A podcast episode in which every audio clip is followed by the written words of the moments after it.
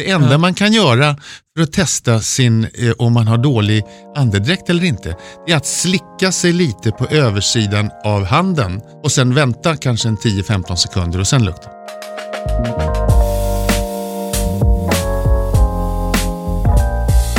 Idag ska vi prata om våra tänder och hur påverkar munhälsan resten av kroppen och vad händer egentligen om man slarvar lite med borsta tänderna ibland? Med oss idag har vi även Lars Armbäck som är odontologiskt ansvarig på Smile Tandvård.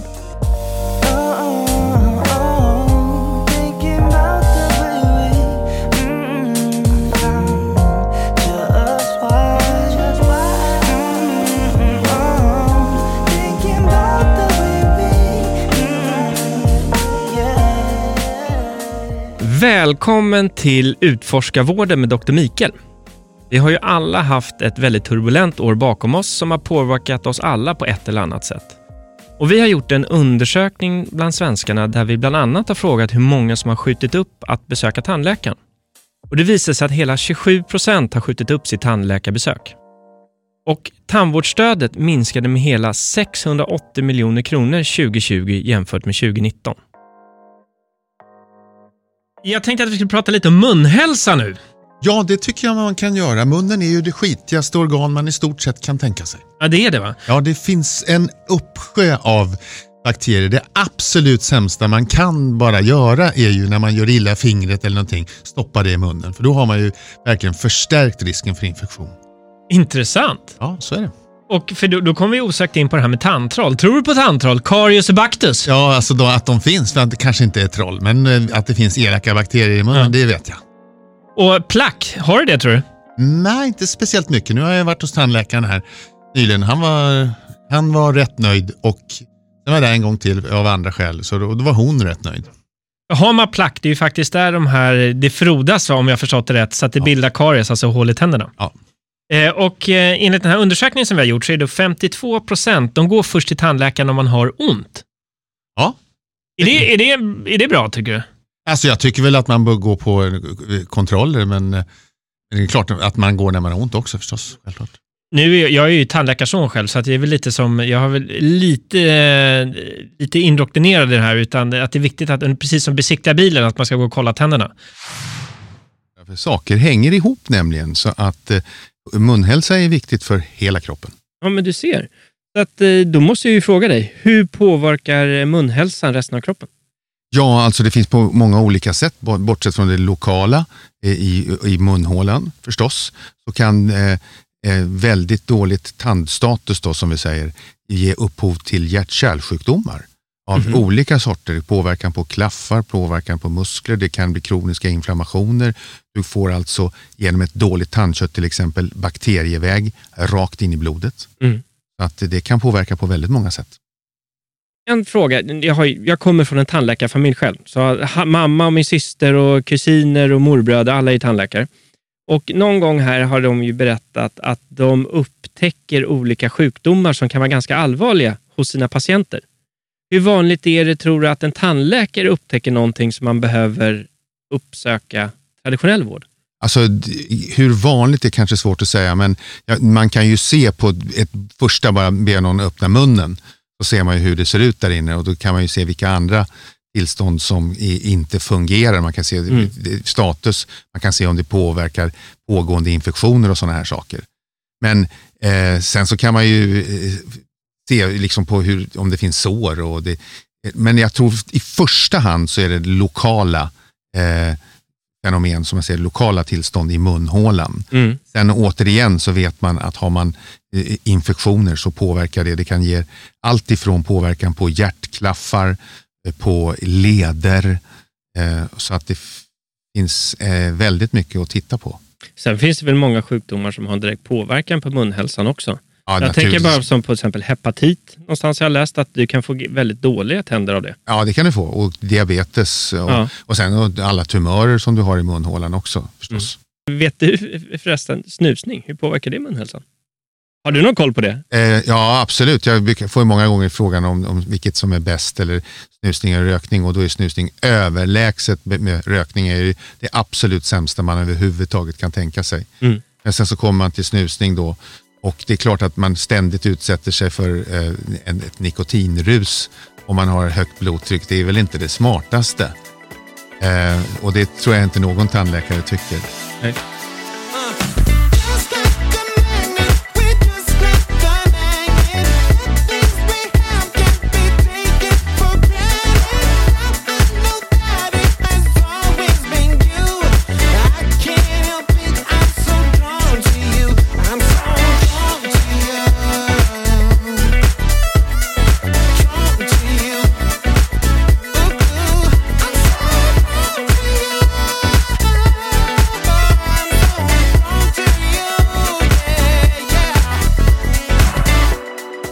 Mitt emot mig så har jag en riktig expert, Lars Armbäck från Smile Tandvård. Lars är nationell odontologisk ansvarig på Smile Tandvård och med mångårig bakgrund med att utbilda svenskarna om sin munhälsa. Så Lars, välkommen till Utforskarvården. Tack. Du, jag har en fråga till dig eh, och det, det är nu ganska lätt att snubbla på det här eh, ordet. Det, det, fick jag öva några gånger på innan, odontologiskt ansvarig. Men nu sitter det faktiskt. Men vad gör man då som odontologiskt ansvarig på Sveriges största privata tandvårdskedja? Jo, jag har ju det övergripande odontologiska ansvaret och odontologi det är det allt som handlar om tandläkeriet och tandvården. Och jag ser till att vi har stöd och att vi följer gällande regelverk och förordningar, men också alla de processer som är involverade för att kunna ge den bästa tandvården till våra patienter. En annan stor del är ju att ge stöd till alla våra medarbetare ute på våra kliniker och tillse att vi har rätt medarbetare med rätt kompetens och att vi alltid arbetar med ständig utveckling. En annan del är ju naturligtvis att ha kontakt med myndigheter och alla andra aktörer på tandvårdsmarknaden samt alla våra leverantörer och samarbetspartners. Och du, hur står det egentligen till med svenskarnas tänder? Eh, min generella bild är väl att vi har ganska god munhälsa, men hur är det egentligen? Ja, vi har en väldigt bra generell god tandhälsa i Sverige. Och den har vi byggt upp under lång tid, både med många resurser och stora resurser i tandvården, men också att vi har arbetat förebyggande med tandvård. Befolkningen har varit vana att gå och besöka vår tandvård regelbundet. Men jag skulle säga att den goda munhälsan kan ju snabbt försämras när vi ändrar våra vanor eller vårt beteende. Eller vi kanske kommer från en bakgrund där man inte har varit van att besöka tandvården lika ofta. Och vi ser också en större okunskap idag om vikten av att flå och sköta sina tandborstning har blivit mindre hos den allmänna befolkningen. Och att vi också minskar våra tandvårdsbesök. Vi besöker inte tandvården lika ofta. Sen kan vi även drabbas av allmänna sjukdomar som också kan påverka vår eh, munhälsa och att vi har ett större behov av att sköta vår munhälsa. Mm. Men om man går tillbaka till vår fråga som vi ställde i den här undersökningen, då var det ju väldigt många som har skjutit upp att gå till tandläkaren helt enkelt. Eh, men gör det någonting egentligen? Vad finns det för risker liksom med det?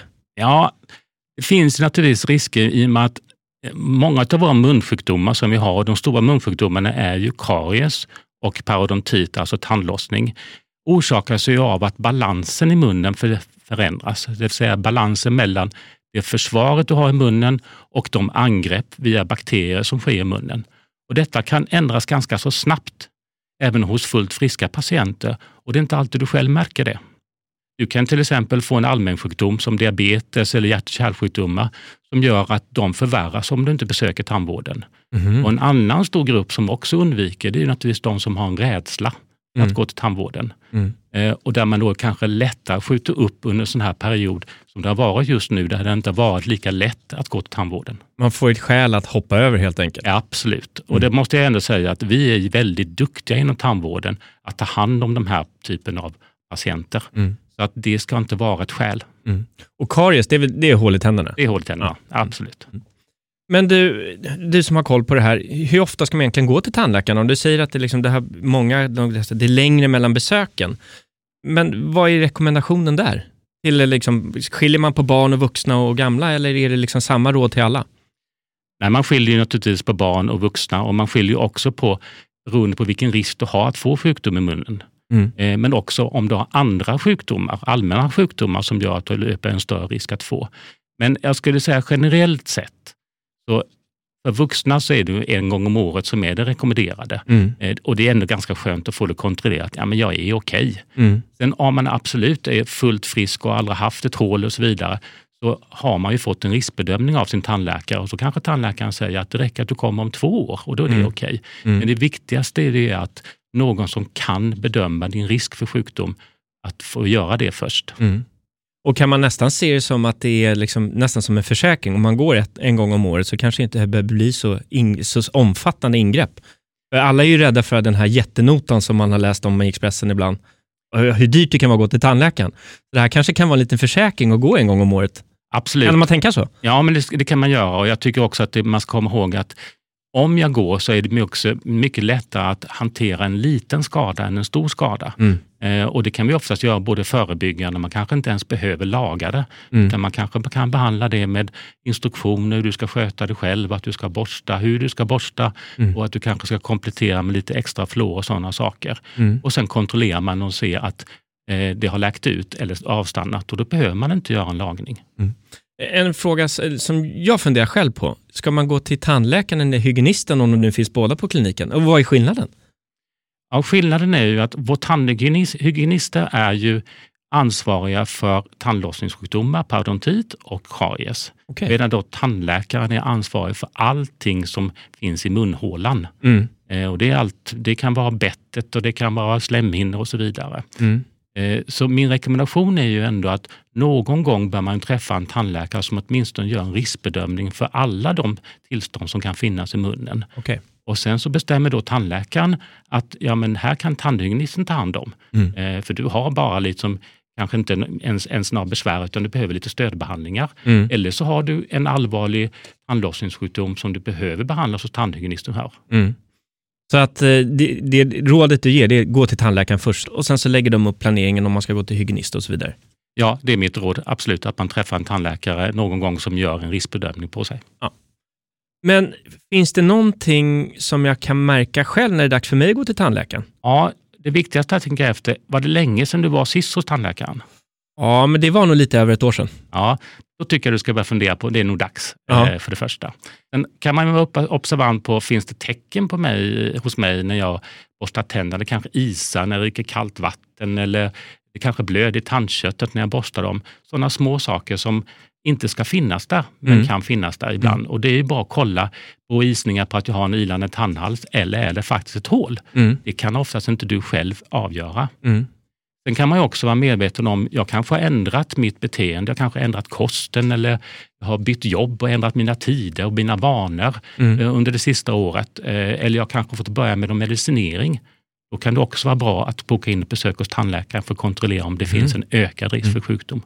Men då måste jag fråga dig där om blödande tandkött. För om, om jag, ja, det kan hända mig själv ibland, att eh, jag märker att nu blöder det lite här och då får jag lite panik. Mamma är ju gammal tandläkare, så att då säger jag, nej, men nu måste jag borsta ordentligt. Så gör det i några dagar så försvinner det. Mm. Men vad är det som händer då egentligen? Ja, men det som händer, det, det blödande tandköttet beror ju på att du har fått plack. Eh, Mm. och det, plack är ju bakteriebeläggningar som har lagt sig på tandköttet och orsakar en inflammation. Mm. Och vid en inflammation så får man all, alltid en ökad blödningstendens i Det inflammationen. är som ett smutsigt sår. Exakt. Ja. Eh, och så börjar du borsta och göra rent och då försvinner ju inflammationen Mm. och då slutar det blöda. I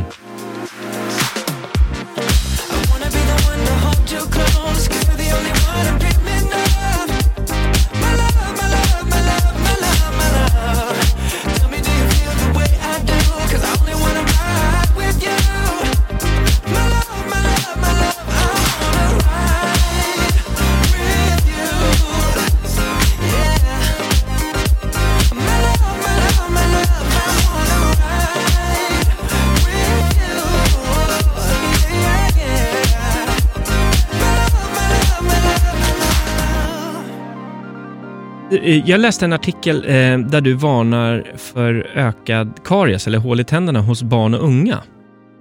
Eh, kan du berätta lite mer om det?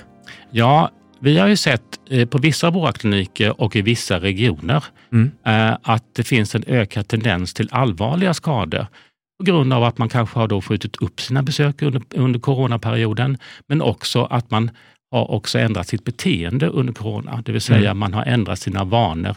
Man har varit hemma från skolan och man kanske småsnaskar lite oftare än man gjorde innan. Och Mm, mm, eh, Man sköter inte sin munhygien på samma bra sätt som man gjort innan med samma regelbundenhet. mm, Eh, Och då kan man då säga som så att barn som redan innan hade en högre risk eh, att få munsjukdomar Mm. har drabbats lite mer nu under den här perioden för man har skjutit upp sina besök och man kanske haft lång tid mellan sina kontroller. Mm. Mm. Att, eh, som förälder till ett barn, kan man själv eh, som förälder söka upp en tandläkare? För jag vet inte, jag tänker på mina barn, vi blir väl kallade tror jag. Mm. Då går man var, en, var, varann, eh, vad är det, 15 månad eller vad det nu är. Mm. Eh, men om man är orolig kan man bara boka en tid? Hos de flesta ska du kunna göra det. Ja. Åtminstone kan du ringa och fråga Ja. och säga, nu har jag sett eh, en, en fläck på min barns tänder, jag skulle vilja kolla om det är någonting eller inte ja. någonting. Alltså. Ja. Och faller det under fri tandvård? Absolut. Ja, det gör det. Det Alla, hade jag faktiskt ingen aning om, för jag trodde att man fick liksom stå i ledet där och sen så fick man ta den tiden som fick om man ville ha det betalat. nej, nej, all, alla barn eh, och ungdomar upp till 24 år har ju gratis tandvård i Sverige. Okej. Ja, det där är ju faktiskt en riktigt bra sak att tänka på för alla föräldrar. Att det är just att, är man orolig, gå till tandläkaren för det, man täcks av det. Precis. Ja. Eller åtminstone gå till tandvården. Tandvården. ibland- Ja, ja. tandvården. Bra. Men du, har du några an- förutom det här tycker jag var ett superbra tips, har du några andra liksom parad, eh, liksom favorittips som man ska ge till föräldrar gällande deras barns munhälsa? Ja, det har jag. Jag tycker att man ska tänka på ett par saker. Det är att man ska försöka undvika småätandet. Det är väldigt lätt att stoppa till någonting när man är iväg eller barnet börjar bli lite gnälligt. Men tänk på att varje gång du stoppar någonting i munnen så påbörjas en process i munnen där de kariesbakterierna som alltid finns i mun- munnen omvandlar sockret som man stoppar in till syra. Och man kan utgå från att det mesta det vi stoppar i munnen innehåller någon form av socker. Det kan Mm. vara frukt och det kan vara godis och det kan vara eh, en macka eller vad som helst. Men allt innehåller någon form av socker. Mm. Mer eller mindre skadlig naturligtvis. Eh, men sen behöver ju munnen vila efter man har haft det här intaget. Och om man då äter för ofta så hinner munnen inte vila och reparera de skadorna som uppstått. Mhm. Sen tycker jag man ska försöka avstå från söta och sura drycker. Är barnet törstigt så är min starka rekommendation att vänj barnet vid att alltid dricka vatten om jag är törstig. Mm. Men det där måste väl även säga till vuxna också? Absolut. Ja, ja men bra. Eh, sen försöka hålla de här vanliga rutinerna som, som man bygger upp. Eh, man ska borsta liksom morgon och kväll. Eh, Mm. Man ska också försöka se till att hålla sina måltidsrutiner. Det är liksom, ju mer rutiner man har, ju vet ju barnen vad det är som gäller. Mm. Sen så rekommenderar vi ju att man ska hjälpa sina barn med tandborstning. Och det bör man nog göra faktiskt upp till barnen är ganska stora, upp till de är 12 års ålder säger man. Det är ganska svårt att borsta långt bak i munnen. Mm. Eh, Och just de här 10, 11, 12-åringarna får ju sina sista kindtänder Mm. långt bak i munnen. Mm. Eh, Och de har inte alltid koll på att verkligen borsta dem. Men är det att man handgripligen ska borsta tänderna på dem själv eller ska man stå och övervaka? Så- Vad, vad är liksom... Övervaka naturligtvis, men Mm. man kan väl säga så här, ju äldre barnet blir, ju mer får de ansvara själva. Sen kan Mm. du komplettera lite. Ja, men Mm. Jag hjälper dig med den där sista längst in. Mm. Eh, Mm. och så tittar man över och ser att ja, men det ser ut som de ändå har borstat. Eh. Mm. Så att det är klart att man måste låta dem bli lite vuxna också. Mm. Eh, Men, men, Sen tycker jag det är viktigt här att man även på sina äldre eh, barn, alltså de unga ungdomarna, Mm. påminner dem, tjata. Mm. Eh, För de glömmer gärna bort eh, en gång eller två gånger. men hur, hur kan jag kontrollera om mitt barn har borstat tänderna? Du säger att man kan titta i munnen, men det är kanske inte... Vad ska man titta efter? Ja, man får ju titta på, det så ska det ju inte blöda. Nej. Eh, För det kan det även göra på barn Mm. eh, som inte borstar. Mm. Eh, Och det här placket som vi pratar om, det ser man ju ofta som en liten vit beläggning som ligger i tandköttskanten. Jaha. Och har man inte kommit åt tandköttskanten, man kanske bara borstat uppe på tanden, man har inte Mm. borstat tandköttskanten, så ser man den ganska tydligt. Kan man nästan skrapa på? Ja, nästan. faktiskt. Okej. Ja. Sen finns det ju såna infärgningstabletter och sånt där man kan kolla på också och se om man har varit duktig på borsta eller Mm. inte. Mm. Men det är kanske överkurs eh, för de flesta. Mm. Sen en allmän rekommendation det är ju att man använder sig av en regel och den kallar vi för 2 gånger 2 gånger 2 regeln Mhm. Och den är ganska enkel. Mm. Eh, det vill säga det att när det gäller tandborsten ska man borsta två gånger om dagen. Eh, man ska göra det under två minuter och man använder ungefär två centimeter tandkräm. Eh, och tandkrämen ska innehålla fluor. Mm. Eh, och naturligtvis får man ju anpassa fluormängden till, och tandkrämen till barnets ålder. Mm. För små barn har ju inte vuxentandkräm utan de har ju en tandkräm som är anpassad för barn. Ofta en seriefigur på. Oftast en seriefigur. Det ser lite trevligare ut. Absolut. Ja. Sen tycker jag ju ändå att en av de stora rekommendationerna det är ju ändå att du ska göra dina regelbundna besök hos tandvården. Mm. Skjut inte upp dem. Mm. De är så viktiga att man upptäcker de här skadorna tidigt och så man kan åtgärda dem när de fortfarande är små. Men är det var tolfte månad som är rekommendation för barn också? Eller kan man slira lite på det där? Precis som vi pratade om innan, att det är ju den riskbedömning man gör. Mm. Eh, när barnet kommer in för vård så gör man en riskbedömning. Mm. Och Sen kan det variera, allt från sex månader till eh, upp till ett par år mellan besöken Okej, beroende på okej. hur barnet ser ut. Mm. Ja, jag förstår.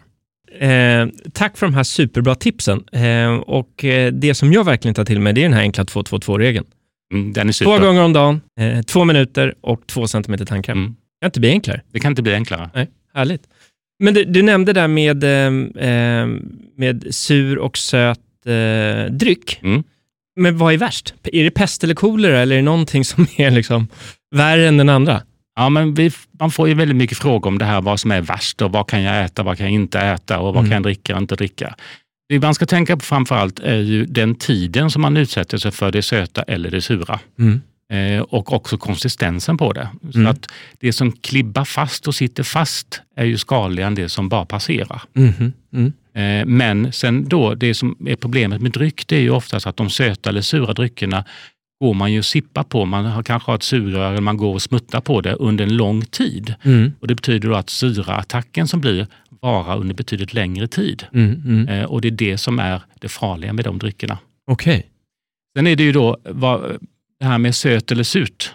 Mm. Mm. Det har lite olika effekter. Det söta orsakar ju oftast karies medan det sura däremot fräter sönder emaljen istället. Är det svårare att laga då? Ja, det kan vara svårare att laga eh, för det blir mer en generell skada och det Mhm. blir oftast på insidan, baksidan på tanden, in mot munnen, så kan till och med hela emaljen försvinna på baksidan på tänderna. Och är det någonting man kan upptäcka själv eller liksom, finns det några varningsklockor för det? Ja, det gör det ju. Det kan ju oftast börja isa ganska kraftigt i tänderna. Aha, Mm. okej.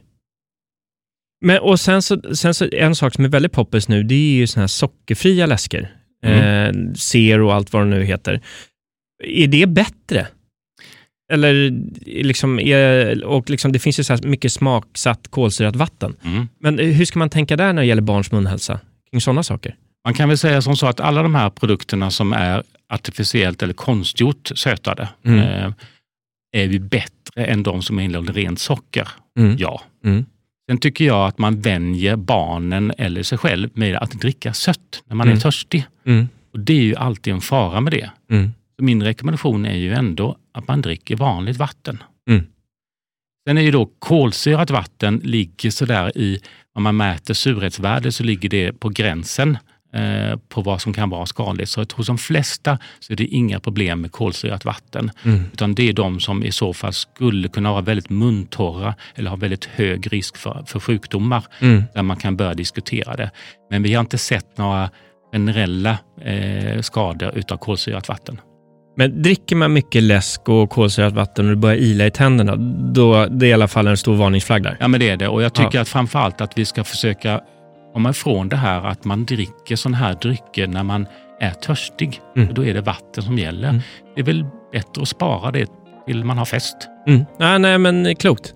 Vi ska inte köpa fler Sodastream-flaskor hemma i alla fall. Jag har Sodastream jag också. Ja, du har det. Ja, Ja, det är bra. Det är bra.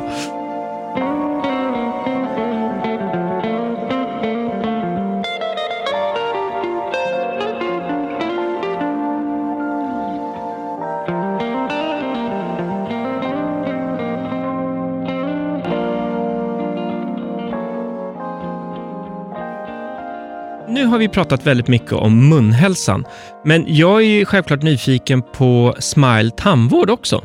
Vilka är ni egentligen? Ja, vi är ju faktiskt Sveriges största privata tandvårdskedja. Vi finns i hela landet. Vi har kliniker från Kiruna i norr till Trelleborg i söder. Mm. Och Smile, ja, jag ska säga vi står för tillgänglighet, kvalitet och en tandvård för alla. Vi erbjuder allt från specialisttandvård till enkla behandlingar och undersökningar såklart. Eh, det vi också vill är att alla våra patienter ska kunna komma till oss med ganska kort varsel. Man ska inte behöva vänta Mm. om man nu behöver. Mm. Men vi erbjuder ju också tandvård för barn och ungdomar också. Mm. Eh, och även estetisk tandvård och annan specialiserad tandvård. Mm. Jag skulle kunna säga att vi har tandvård för alla Mm. och alla i hela Sverige. Och nu, du berättade för mig precis innan vi gick in i studion här, och det var en ögonöppnare för mig, att eh, nu bor jag i Stockholm Mm. och är bortskämd med att man kan gå till tandläkaren samma dag, Mm. om man skulle vilja. Men så ser det inte riktigt ut i landet, eller? Nej, absolut inte. Utan det är ju en stor skillnad beroende på var du bor i landet. Vi har områden i Sverige där det är nästan omöjligt att få tag i tandvårdspersonal. Mm. Eh, Där du har långa, långa köer för att komma in till både till folktandvården och även till privata. Mm. Där vi ser eh, oss som en stor möjlighet för oss att kunna etablera oss och kunna tillföra tandvården resurser. Men för om man tänker på det, det är väldigt svårt att få en tid. Eh, För mig så borde ju det innebära då att då tar man kanske hand om de som är mest illa däran. Och då kanske man missar den här preventiva delen som du nämnde tidigare. Ja, det, Eller den får vänta. Ja, det blir ju följden av när du Aha. har långa vårdköer.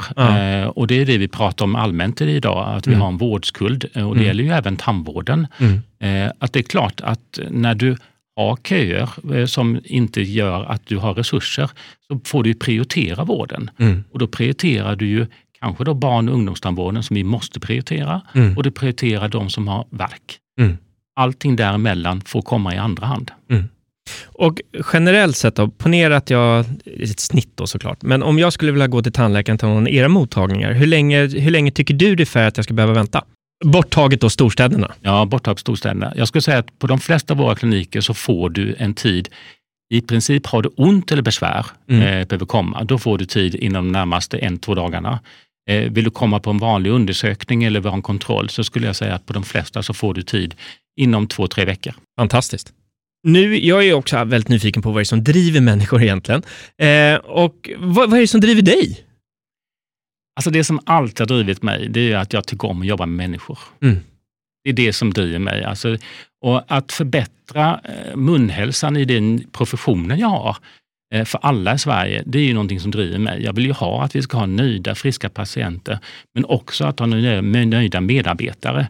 Det är det som att kunna jobba med människor på två olika sätt, det vill säga med medarbetare och som patient, Mm. är enormt givande.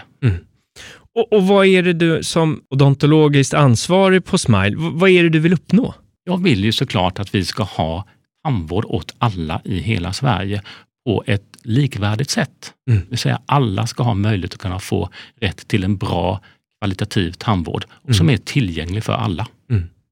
Fint svar. Ehm, och om vi tittar lite framåt då, hur, hur, hur kommer svenska munhälsan se ut, eller kommer tänderna se ut i, i Sverige om ja, men säg 10 till 50 år? Nu är det långt tidsspann där, men hur, hur, ser, liksom, hur ser framtiden ut om du får titta i kristallkulan? Ja, men vi kan ju säga att vi har ju en, en befolkning som har en väldigt bra tandstatus generellt sett. Eh, och det vi kommer förmodligen ha 10-50 år framöver, det är ju att precis kommer alla ha sina tänder kvar. Eh, vilket kommer innebära att vi kommer ha ett större behov av att ha eh, förebyggande vård än reparativ vård. Mm. Säga vi ska bevara det vi har. Eh, vi kommer ju också ha en allt äldre befolkning med många tänder kvar Mm. eh, som kommer kräva både underhåll och därför är det viktigt att tandvården tillförs rätt resurser och tillräckligt med resurser för att kunna ta hand om dessa. Men du, ur ett eh, sockerperspektiv, hur skulle, vad, kan du ge oss några tips vad vi kan lära oss, vilka produkter som är bra eller inte? Finns det någon liksom tumregel där? Ja, man kan väl utgå ifrån att det mesta vi gör, och det mesta vi intar idag, innehåller socker i en eller annan form. Den må vara naturlig eller den kan vara konstgjord. Mm. Eh, Och har man den inställningen, så det precis pratade om innan, så är det ju frekvensen av intag man ska tänka på. Mm. Man ska inte gå och småäta, det är jätteviktigt. Mm. Man ska tänka sig för det där man har vid sidan om på skrivbordet eller på skolbänken eller vad det är för som man Mm. sitter och, och, och smuttar på hela tiden. Så även om det är en frukt så är det inte bra att sitta och äta hela tiden? Nej, frukt är ju någonting som vi verkligen eh, tycker är bra att äta, Ja. men det får ju inte bli för ofta. Mm. Utan då ska ju frukten vara en av de här måltiderna. Jag förstår.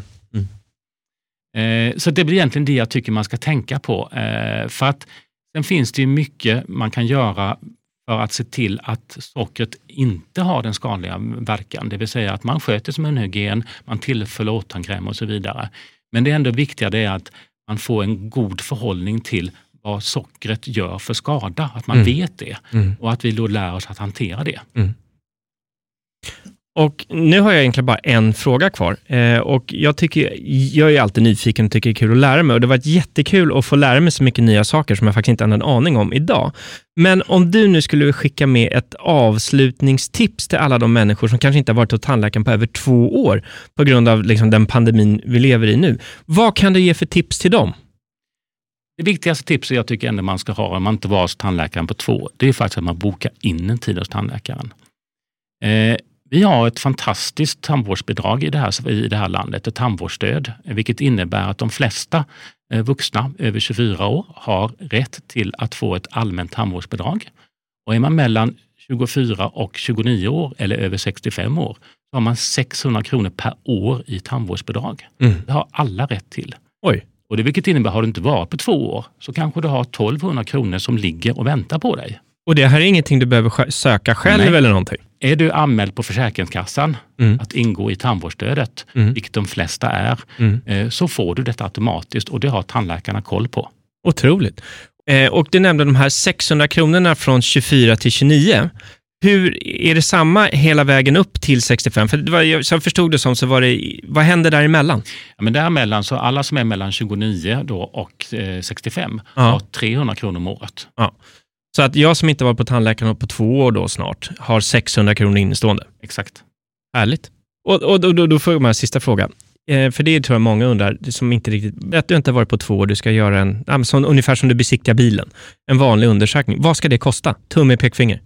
Mellan tummen och pekfingret så är ju tandvården är ju, eh, priset hos tandläkaren är fritt. Mm. Eh, Tandläkaren har rätt att ta vilket pris man vill. Mm. Eh, Men jag skulle säga att de flesta ligger någonstans mellan 900 och 1500 kronor beroende på vad som ingår i undersökningen.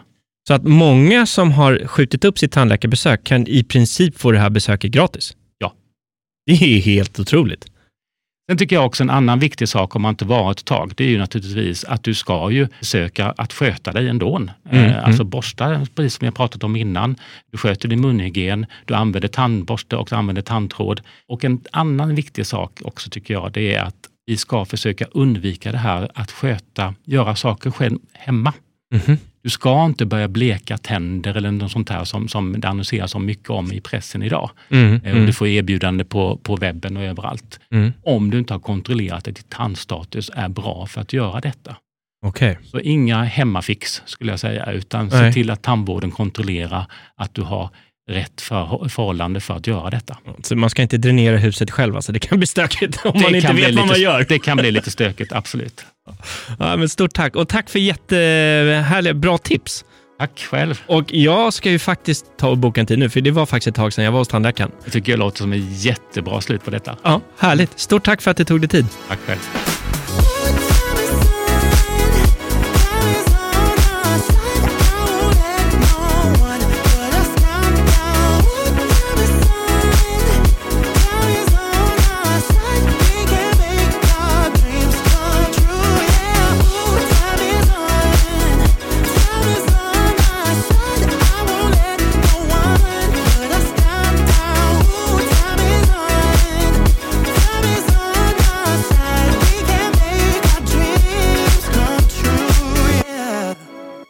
Vi på vården.se vill ju hjälpa människor att bli aktiva och ta kontroll över sin hälsa och i just i, eh, i synnerhet sin munhälsa nu när vi pratar om, om tandvård.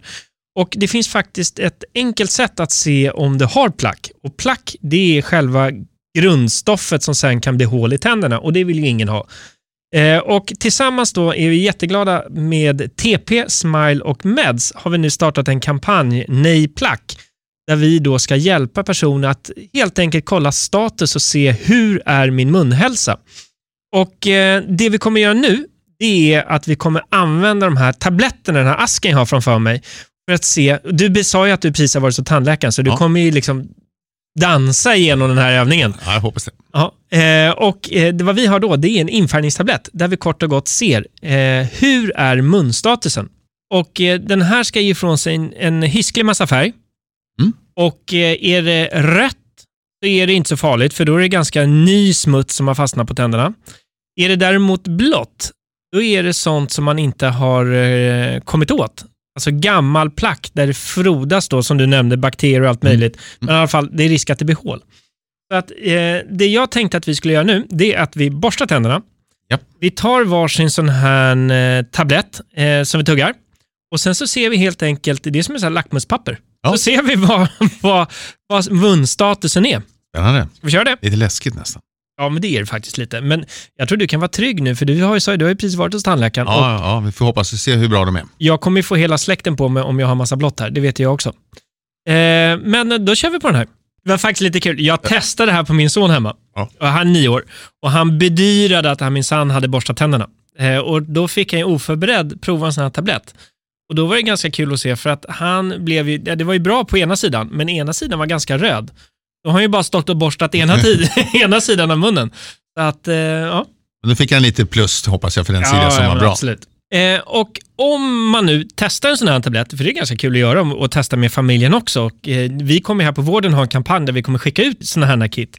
Om man nu får för mycket blå färg till exempel, eh, då kan det ju vara ganska bra att man gör någonting av det här. För att vår kampanj som vi heter, den heter ju Nej Plack. Ja, fyndigt. Och eh, då tycker jag att du ska gå in på vården.se eh, och gå in på den här Nej Plack-kampanjen som vi har och faktiskt boka nästa tandläkartid redan nu.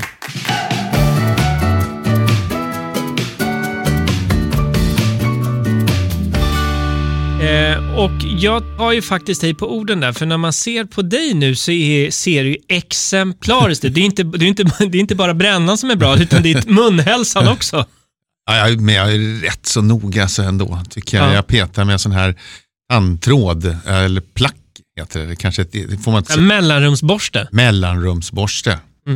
Ja, bra. Ja. Eh, och jag faktiskt... Men jag har andra skäl. Vet du varför jag gör det? Nej, berätta. Jag har haft alltid så jäkla dåligt, det är det någonting jag har haft en sån här känsla för så att jag har dålig andedräkt.